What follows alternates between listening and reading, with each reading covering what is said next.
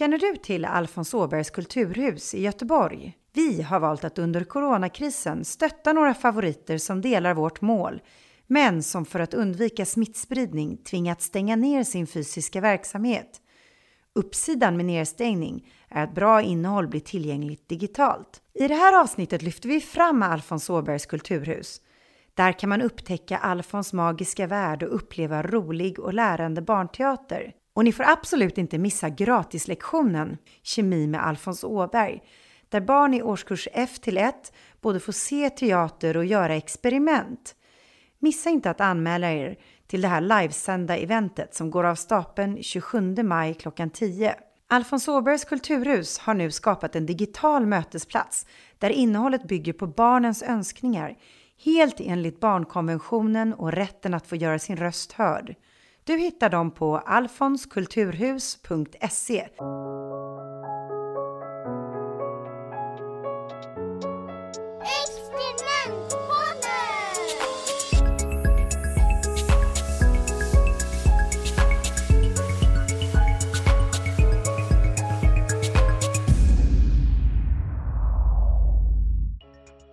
Välkomna till Experimentpodden, er nya källa till kunskap för att få små barn att brinna för naturvetenskap och teknik, både i och utanför skolan. Podden är producerad av Binosi och jag heter Carolina Kjellberg. I dagens avsnitt träffar jag Gunilla von Utfall, en mycket klok och erfaren Montessori-pedagog, lärarutbildare och föreläsare. Gunilla kommer idag att vrida och vända på hur man genom Montessori-pedagogiken arbetar med naturvetenskap och teknik. Hej och välkommen hit! Tack! Nu är jag jättenyfiken på att höra vad din bakgrund är, Gunilla. Min bakgrund är att jag har bott utomlands i större delen av mitt halva liv. Eh, och sen är jag gift med en UD-tjänsteman vilket gör att vi har rest runt i världen. Eh, och jag började utbilda mig till Montessori-pedagog när vi bodde hemma i Sverige eh, på distans. Och det brukar vara så att så fort man bestämmer sig för någonting så blir man utskickad så då blev vi förflyttade till New York. Och då fortsatte jag där. Eh, och där utbildade jag mig hos två katolska nunnor på Manhattan. Eh, och därefter eh, när jag hade börjat läsa hos mina nunnor så blev vi återigen förflyttade. Så då åkte vi hem till Sverige igen. Och då fortsatte jag utbilda mig på svenska, vilket är enklare. Så jag läste eh, Montessori-pedagogik från 0 till 6 år och sen för barn 6 till 9 år, vilket alltså är då Montessori-pedagogik på eh, skolan, ettan, tvåan, trean. Eh, därefter arbetade jag som Montessori-lärare, Montessori-pedagog i skolan, och sen, eller i förskolan. Och sen ehm, efter att ha jobbat inte alls särskilt länge så Eh, sade huvudman att nu ska vi öppna flera skolor så då blev jag förskolechef över en natt. Eh, och det, inte ett ont anande var jag några år. Sen blev vi ehm, eh, utflyttade igen och sen kom jag tillbaka igen eh, och jobbade som Montessori-lärare. Och när vi har bott i New York så har jag besökt mina barns förskolor som har gått i Montessori-förskola och sett att det fungerar på precis samma sätt. Ehm, och sen så har jag arbetat som förskolechef eh, och sen har jag arbetat som Montessori-lärare och eh, mitt i allt detta eh, så blev jag ombedd att hålla kurser och utbilda Montessori-pedagoger. Vilket jag fortfarande gör, har gjort det i över 20 år. Och sen har jag också ett eget företag så att jag håller föreläsningar för föräldrar och lärare och utbildar ja, både och här i Stockholm och även i andra delar av Sverige. Mm, vad spännande. Ja. Så har du tagit hem mycket av din erfarenhet utomlands ifrån till Sverige när du arbetar här? Mycket, mycket från Amerika. De ligger ju före utbildning och före i krav på hur en förskola ska se ut. Så därifrån tog jag med mig väldigt mycket. Eh, och jag ska väl säga att jag, så fort vi reser någonstans, som UD-hustru så reser man ju i hela världen. Eh, och då försöker jag alltid stanna till och titta på någon Montessori-förskola. De finns överallt. I Amerika finns det många. Eh, under resans gång medan jag har utbildat så har vi bott i eh, första New York och sen bodde vi hemma och sen har vi bott i Hongkong, vi har bott i Korea, vi har bott i Berlin och även i Bryssel. Och så, där jag är så tittar jag på Montessori-förskolor. De finns överallt i hela världen. Wow, ja. Vilken tillgång att ha sett så många olika länder ja. Montessori-skolor. Det, det är fantastiskt att se att det fungerar på samma sätt. Barnen är ju likadana och utvecklas på samma sätt i hela världen så det är därför det är så spännande. Och hur kom det sig att du fastnade för Montessori-pedagogiken just? Det började med för länge sedan när jag var scout så hade jag någon, en god vän vars mamma hade börjat arbeta med Montessori-pedagogik. Hon sa du är som klippt och skuren för att vara Montessori-pedagog. Då fanns det bara utbildningar i Köpenhamn och på Irland. Och jag hade ett eh, rejält sällskapsliv och många goda vänner så jag kunde inte tänka mig att lämna Sverige, inte ens en termin. Eh, så jag la det på hyllan lite grann, men det har alltid funnits där. Mitt intresse har alltid funnits där. Eh, därför att det är lite hands-on och barnen lär sig genom att leka och det har alltid ja, intresserat mig, att man har kul när man lär sig någonting. Hur arbetar ni med naturvetenskap i Montessori? Eh, naturvetenskapen finns med överallt på alla sätt och vis. Eh, den rena naturen, sa Maria Montessori, ut med barnen i naturen och in med naturen till barnen. Så att Eh, just med biologi och naturvetenskap och i alla fall biologi och zoologi har vi, jobbar vi ganska nära. Vi tar in mycket natur, vi är ute mycket i naturen och tittar. Eh, och sen eh, geografi och historia som ju hör dit också jobbar vi också med på olika sätt, att vi tar i saker. Montessori menar att man lär sig bara när man tar i någonting. Händerna är intellektets verktyg, sa hon. Eh, så att om man inte har tagit i en jordglob eller tagit i någonting som är varmt och kallt och ljummet så kan inte barnen lära sig det. Det går inte att förklara det här är kallt och det här är varmt om de inte har hållit i någonting som är varmt och kallt. Så att vi jobbar genom att barnen får känna på saker och titta på saker och lära sig namnen på samma gång. Eh, och sen har vi olika experiment. Mm. Vi fiskar med en magnet, så har vi olika gem så de får fiska saker. De fiskar upp siffror, de fiskar upp bokstäver, de fiskar upp världsdelar, fiskar upp sånger, alla möjliga saker. Och sen har vi ju rena experimenthyllor också när de får fylla en liten tvålhållare med en pipett till exempel och då blir det ju motoriskt och det blir också ett sätt att se eh, ja, att räkna ut om vattnet eller vätskan räcker och att det inte rinner över från de här små sugkopparna. Det finns nästan inte tvålhållare längre men en, en typ av sån. Eh, och det visade sig vara intressant för att när jag berättade för en talpedagog om att vi gör det så sa hon att så gör vi när barn ska lära sig att tala om de har en talsvårighet. Så får de ha samma tvålkopp med antingen vaniljsås eller chokladpudding och så får de slicka upp det för då eh, använder man tungans muskler. Så det var två, två goda saker med det. Eh, och I övrigt så har vi lite olika experiment beroende på åldern på barnen. En av eh, på den, en av förskolorna där jag var förskolechef, ett favoritämne där var när vi hade en djup tallrik med vatten eh, och la ett värmeljus som vi tände försiktigt och hade berättat allt vad man gör med levande låga, hur man inte får ha fleecetröja på sig och så vidare. Och så tände vi värmeljuset och sen la vi ett champagneglas över och då um, stiger ju värmeljuset upp därför att syret tar slut och sen slocknar och då har det kommit upp en halva i halva champagneglaset. Och jag kan tänka mig att champagneglaset är extra effektfullt eftersom att det är så smalt. Exakt. Det blir högre vatten Exakt. Och då gjorde vi med färgat vatten först, för man gör alltid det enklare först eh, i vår pedagogik. Och sen, så i början kunde vi ha blått vatten eller rött vatten, då var det väldigt tydligt att vattnet steg och när vi hade pratat mycket om varför det steg så hade vi då vanligt ofärgat vatten så att man gör det lite, lite svårare hela tiden. Mm. Så den typen av experiment arbetar vi med. Roligt. Ja. Och i övrigt kan jag väl tycka att naturvetenskap, det vet du bättre, men det är ju allt som har med naturen att göra egentligen. Och där, där, eh, inom vår pedagogik så jobbar vi med det som är verkligt. Om man sätter ett litet frö i jord och har det i en plastpåse mot fönstret så ser barnen att det kommer en liten grodd och då fascineras de eh, mycket mer än om man gör saker som är overkliga. För det här är ju verkligt och man kan precis förklara varför. Och, och ja, de kan själva se att om jag tar ett annat frö eh, så kanske den grodden ser annorlunda ut eller kanske går fortare för ett krassefrö än för en ärta eller någonting sånt. Så vi försöker alltid ta det verkliga, att vi jobbar, allting ska vara verkligt. Mm. Mm. Så saker som rymden till exempel, ja. den blir svår att ta upp då i er pedagogik? Vi, vi arbetar med planeterna. Mm. Eh, vi tar hela universum. Montessori börjar alltid med helheten. Eh, och då talar man om universum och sen så går man ner till eh, var på jorden vi befinner oss och så vidare. och Så vidare. Så går man ner till den ort där man är. Och sen går man upp i rymden och pratar om hur det ser upp, ut i rymden. Eh, och då börjar vi med jorden och sen har man solen och alla planeterna och sen har vi då kartor på det. Och sen eh, har vi namn på så att de, vi gör parövningar med allting. Parövning med om det nu är Merkurius eller någonting. Så då är det en kort med Merkurius eh, med ett namn under och sen är det en, bara ett vanligt kort som du lägger under som ser likadant ut. Och det är bara en parövning, kan nästan en två och ett halvt år göra. Och sen har vi lösa namnkort som de lägger till. Mm. Och all materiell som vi gör är självrättande.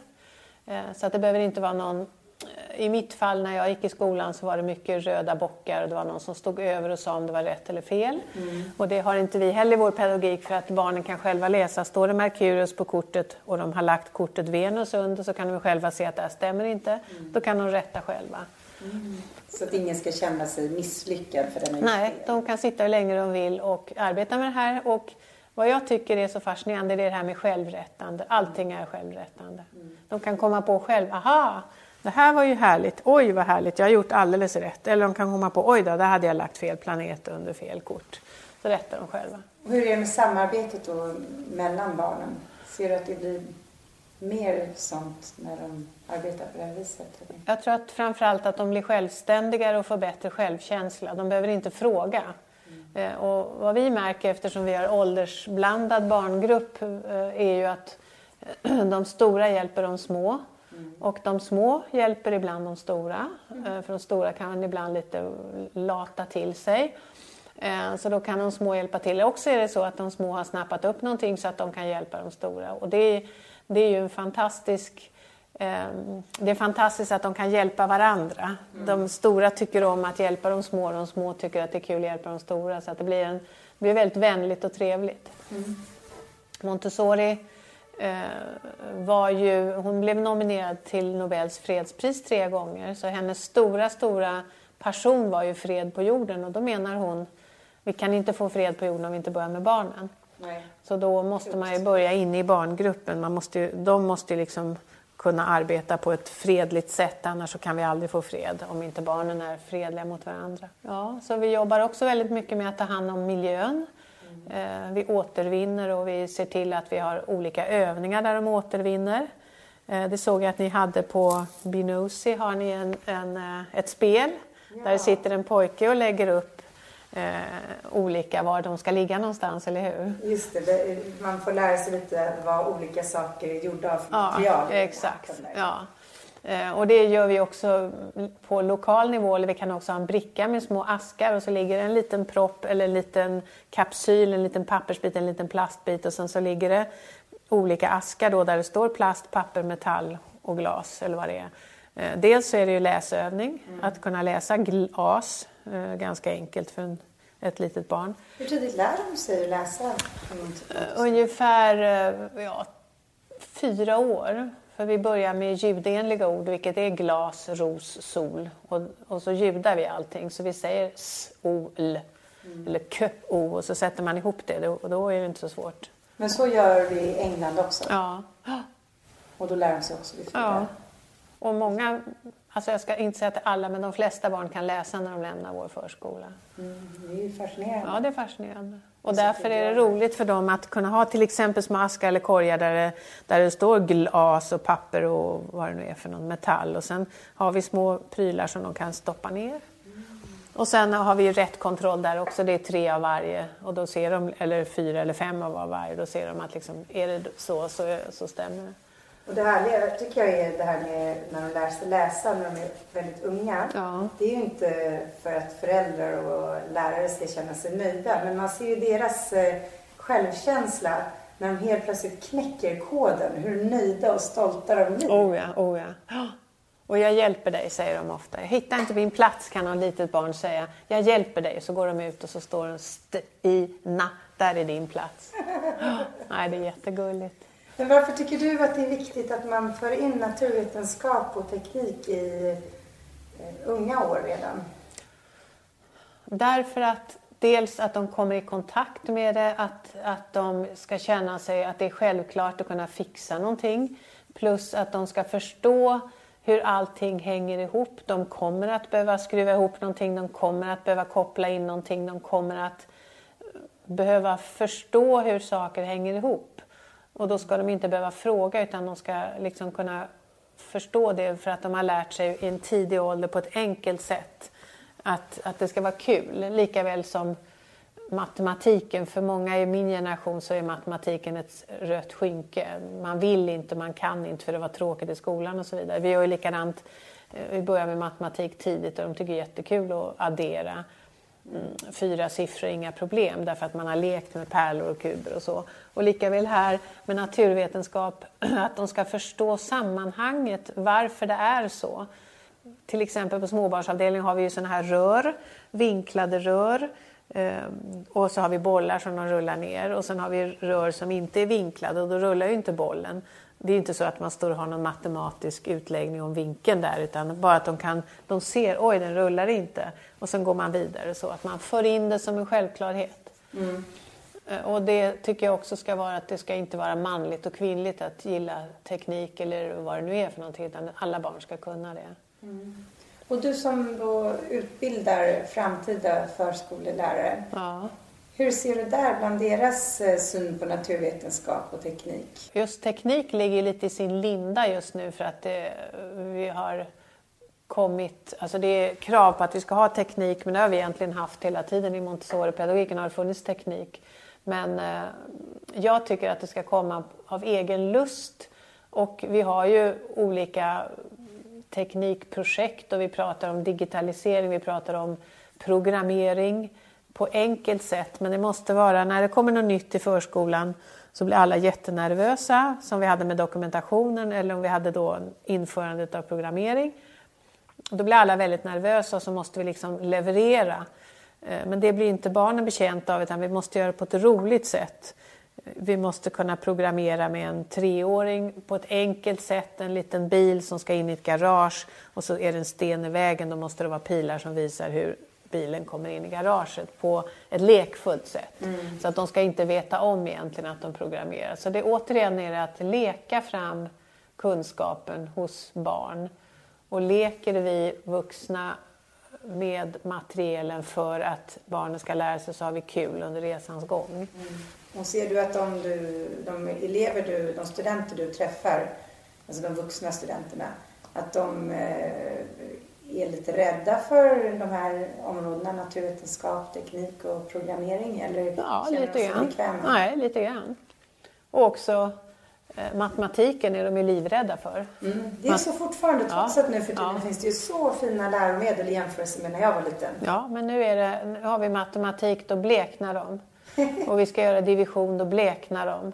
Men vi leker ju. Vi leker ju rakt igenom och med barnen också leker man med matematik. Mm. Vi gör division med barn. Vi har nio barn och så ska de ställa sig i varse hörn. Och hur många barn blir det i varje hörn? Det blir tre i varje hörn. Nu har vi gjort division. Och de tycker det är jättekul för de var, med, de var ju själva med i matematiken. Det är jätteroligt. Ja.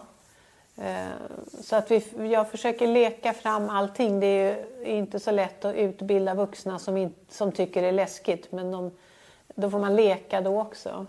Vuxna kan tycka det är läskigt när vi ska gå igenom svenska, vilket vi gjorde förra veckan och hade ordklasser. Det är många som bleknar. Mm. Ordklasser säger ingenting och då får man också leka med att ha det färgkodat och så. Så det gäller liksom att, att göra det till något som är det roligaste som finns. Annars kan man ju inte förmedla det till barnen. Nej, verkligen inte.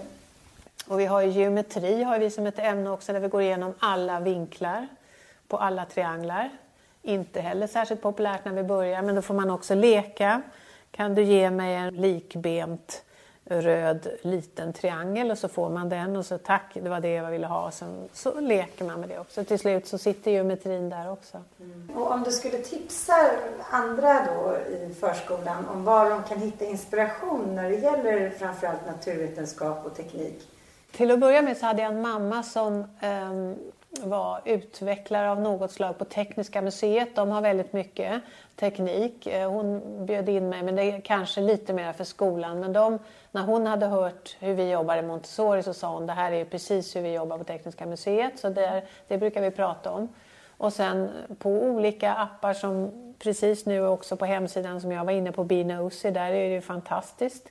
Eh, och de böckerna tycker jag skulle finnas på nästan alla förskolor. Att man tar in mm. vetenskapen för den är... Jag blev helt fascinerad när jag hörde om de här jag böckerna. Jag är lite rörd nu när du ja, men det, det är så precis riktigt att man leker, att man pratar om det och att det är skojfriskt. Att man sjunger. Vi sjunger om planeter också, vi sjunger om ja, alla möjliga saker eh, världsdelar. Och man, här sjunger ni om läder och papper och olika material och så vidare. Och det är också sånt som lockar barnen, de tycker det är jättekul.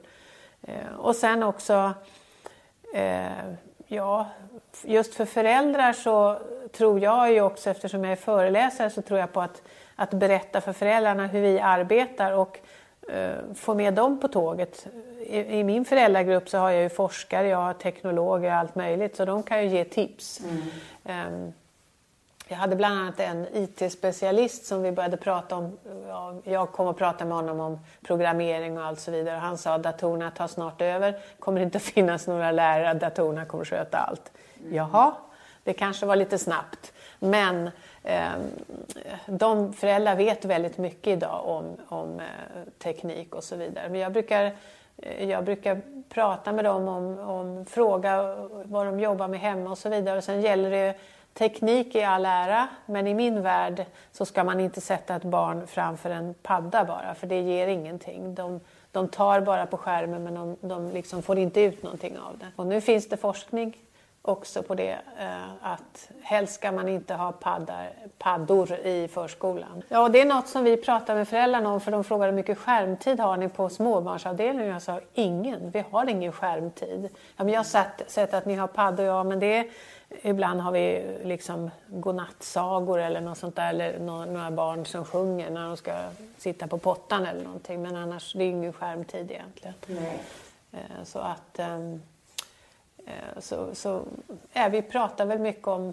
om eh, jag ger kanske inte några sådana här reella tips. De har inte frågat heller om var de ska hitta naturvetenskap. Det är mest att vi, vi säljer vår Montessori-pedagogik med att allting är äkta och att man tar på det. Och att, att ehm, ja, ska jag säga, det baseras bara på vetenskap. Allt, allt, allt som vi gör är vetenskapligt. Mm. Eh, och det tycker jag är härligt. Ja, jag håller med. Och jag tycker du har gett många bra tips. Ja, vad bra. Ja. Tack snälla för att du eh, tog dig tid idag. Det var jätteroligt att höra. Tack själv. Och lycka till med företaget. Tack detsamma. Tack. Hej. Tack för att du har lyssnat på Experimentpodden, en Binosi-produktion med mig, Carolina Kjellberg. Gunillas experimenttips är Det stigande vattnet, där man utforskar eld och lufttryck. Vill du få detaljer kring experiment så gå in på bnosy.com, B-N-O-S-Y, och prenumerera på vårt nyhetsbrev. I nästa avsnitt får ni hänga med mig till Malmö där jag träffar Marielle Sterner som är VD på Science Centret Cool Minds. Vi ses då!